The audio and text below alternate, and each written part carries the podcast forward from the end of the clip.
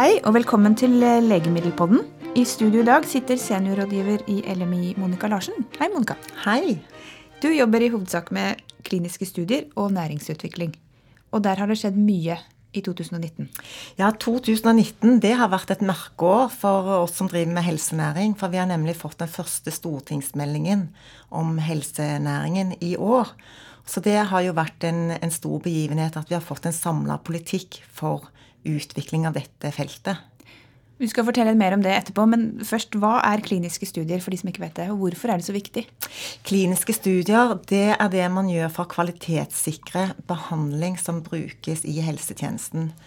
Og eh, kliniske studier med, med, legemidler er helt avgjørende for at vi skal få de forskningsproduktene, eller de produktene som vi driver og utvikler i forskningen, inn i klinisk pasientbehandling. Så må de kvalitetssikres og sjekkes ut i kliniske studier, et klinisk studieprogram. Og det er kjempeviktig for pasientene, som kanskje ikke får noe annen behandlingstilbud enn det som er tilgjengelig gjennom utprøvende behandling. Og så er det viktig fordi at vi får ny behandling, eh, tilgang til ny behandling allerede gjerne seks, fem til seks, sju år før det faktisk blir tilgjengelig i klinisk, vanlig klinisk praksis. Og så er det kjempeviktig for kompetansen til helsetjenesten. Sånn at de får kjennskap til hva som skjer i forskningsfronten. Men Hva har kliniske studier med næringsutvikling å gjøre? Ja, nei, For næringsinnen så er det jo eh, helt avgjørende for at vi skal få eh, produktene våre på markedet. Så må de gjennom dette nåløyet, eh, gjennom flere faser, og kvalitetssikres. Og det dokumentasjonsgrunnlaget som kommer fram i disse kliniske studiene, det er det som danner grunnlaget for markedsføringstillatelsen. Og det er liksom som olje- og gassektorens demonstrasjonsplattformer. Eh, så er kliniske studier og det systemet og den infrastrukturen som er tilrettelagt for det, eh, helt avgjørende for, for, at næringen skal komme fra forskning og utvikling til, til marked og klinisk bruk. Men hvor konkurransedyktige er vi i Norge egentlig? Er det realistisk at vi skal konkurrere mot land som Tyskland og USA? Nei, det er faktisk ikke helt realistisk, fordi vi er et veldig lite marked og har eh, få pasienter. Men det som er, er, veldig realistisk, er jo at vi kan tiltrekke oss mye mer kliniske studier enn det vi gjør i dag. For vi har kompetanse og infrastruktur, eh, pasienter som er villige til å være med i studier og vil delta i forskning. Sånn at vi har ganske mange forutsetninger for å delta i mye større grad enn det vi gjør. Men antallet kliniske studier i Norge går ned. Hvorfor det? Ja, Det er et ganske sammensatt eh, bilde, egentlig, og det er flere årsaker til det. Men det vi ser, er at kliniske studier har ikke hatt en veldig stor prioritet i helsetjenesten. Så vi har egentlig ikke lagt oss veldig i selen eh, for å tiltrekke oss eh, de studiene vi kan, og de mulighetene vi har. Men det håper vi at det skal endre seg litt nå, da. Ja, Hva er det som skjer på dette feltet? Ja, nei, nå har vi eh, Altså politisk så har det vært en, en enighet, tverrpolitisk enighet om eh, nytten av kliniske studier. At eh, må, vi må øke den aktiviteten. Og det har vært eh, flere oppdrag og flere eh, beskjeder fra politisk hold ned i helsetjenesten om, om, å tilrettelegge for kliniske studier. Nå har det vist seg litt vanskelig å få til i praksis. Man har gjerne mangla de ressursene og den tida som eh, trengs for å, som må avsettes for å bruke på kliniske studier. Og man har ikke hatt de insentivene og de strukturene som er nødvendig på plass. Men nå eh, er det bestemt i denne eh, stortingsmeldingen for helsenæringen om at det skal lages en handlingsplan for kliniske studier. Det er også bestemt at det skal gjøres noe med en enklere tilgang og inngang for industrien for å komme med industrifinansierte kliniske studier. Og det jobbes også med en eh, insentiv, tellekant og premieringsmodell som eh, vil eh, endre litt fokuset og prioriteringen i helsetjenesten for å drive med nettopp denne, denne aktiviteten, da. Du har sagt litt om det, men hva er de viktigste flaskehalsene for at uh, kliniske studier ikke blir gjort? Nei, Det er jo dette med tid og ressurser hos, uh, hos leger, og at de har et uh, studieteam rundt seg. Prosjektkoordinatorer og studiesykepleiere. som er helt eh, avgjørende for å, å, levere på den kvaliteten som eh, et sånt klinisk forskningsprogram krever. Mm. Så, så, må man ha tid og ressurser og de, det studieteamet på plass.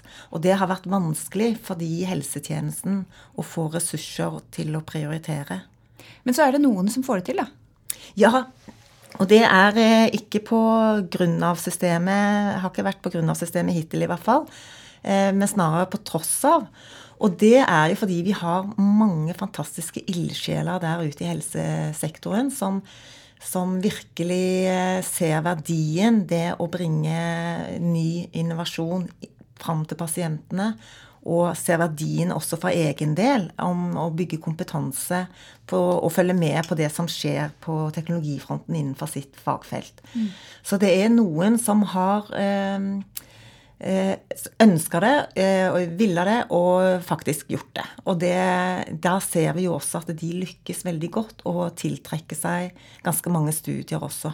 Kan du nevne noen eksempler? Ja, Vi har eh, f.eks.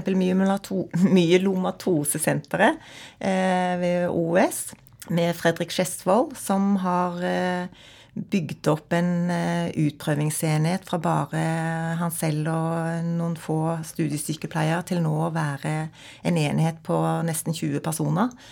Og der står jo mange selskaper i kø som utvikler medisiner innenfor myelomatose. da. Eh, og så har vi utprøvingsenheten med Radiumhospitalet, som har eksistert siden 90-tallet. Eh, og de har da bygd opp kompetanse og fått en standing som en solid utprøvingsenhet over mange år. Så der eh, gjøres også veldig mye, mye, mye studier.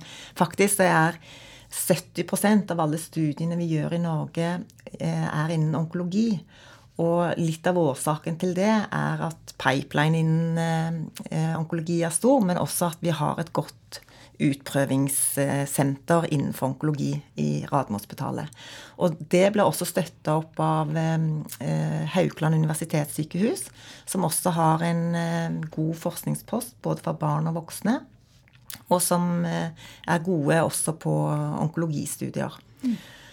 Så, og ja, barn og voksne nevnte jeg. Vi har også et pediatrinettverk med fokus i Bergen og ved OS, og som også har et nettverk i hele Norge og ikke bare i Norge, men også i Norden, som gjør at eh, det, hvis man skal gjøre kliniske studier på barn, så kan man liksom kontakte de, eh, det fagnettverket som de har bygd opp, og spesialisere seg for å gjøre nettopp kliniske studier eh, for å få dokumentert legemidler til barn.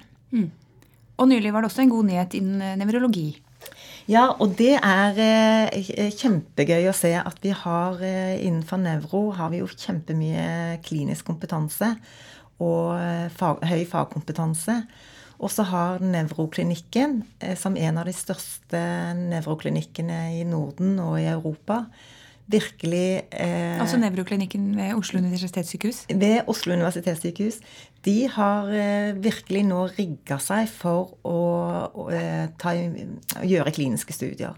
Så alle avdelingene som Nevroklinikken omfatter, har eh, sagt seg villig til å Eller åpner opp nå for eh, industrien til å komme med studieforslag og protokoller som de skal se på. Og så har de rigga en infrastruktur med studieteam som kan være behjelpelighet for å gjennomføre disse studiene i praksis. Mm. Så det har vi veldig store forventninger til. Og så er det noen som er i andre enden, da, som ikke vil ha noe med industrien å gjøre? Ja, det er fremdeles noen som syns at det å gjøre industrifinansierte kliniske studier er uh, ugreit. Det tror jeg at det er noen som vil ha en eller annen overbevisning av det, sånn privat sett. Men helsetjenesten som sådan uh, har på en måte erkjent at vi er nødt til å samhandle med også næringslivet og leverandørene og den nye teknologien for at det skal komme helsetjenesten og pasientene til gode. Og det er det viktige at det er det systemet som vinner fram og tilrettelegger og fremmer liksom det som er det politiske målsetningen og helsetjenesten mål om å øke den kliniske forskningen og de kliniske studiene, og ikke disse enkeltpersonenes fordommer eller motforestillinger eller sånn, som får lov å trumfe systemet. Mm. Og som det ser ut totalt sett nå, så går det riktig vei, og kanskje kan antall kliniske studier gå oppover igjen? Ja, altså vi ser at fra det og, og at disse motforestillingene, den der kulturen om at det er så fælt å jobbe med industrien, at den eh, er i ferd med å avta og endres. Fordi, nettopp som jeg sa, man ser at det er vinn-vinn-situasjoner for alle parter hvis vi tar i bruk ny teknologi, og ikke minst dokumentere hva som er nyttig, og hva som er unyttig eventuelt for, i pasientbehandlingen vår. Mm. Og det er bare på denne måten at vi kan få en god helsetjeneste som også er bærekraftig for framtida. Hvis du skal spå litt i fremtida, når tror du disse grafene for kliniske studier kommer til å begynne å gå oppover igjen? Jeg tror at de kommer til å gå opp når vi får eh, denne handlingsplanen på plass. Vi ser en forsiktig økning allerede neste år. Og så tror jeg i løpet av de neste fem årene at vi kommer til å se at vi eh, gradvis tar større plass og kan tiltrekke oss mer av alle de spennende prosjektene og viktige prosjektene for ny, bedre pasientbehandling også til Norge. Det lover godt for fremtida.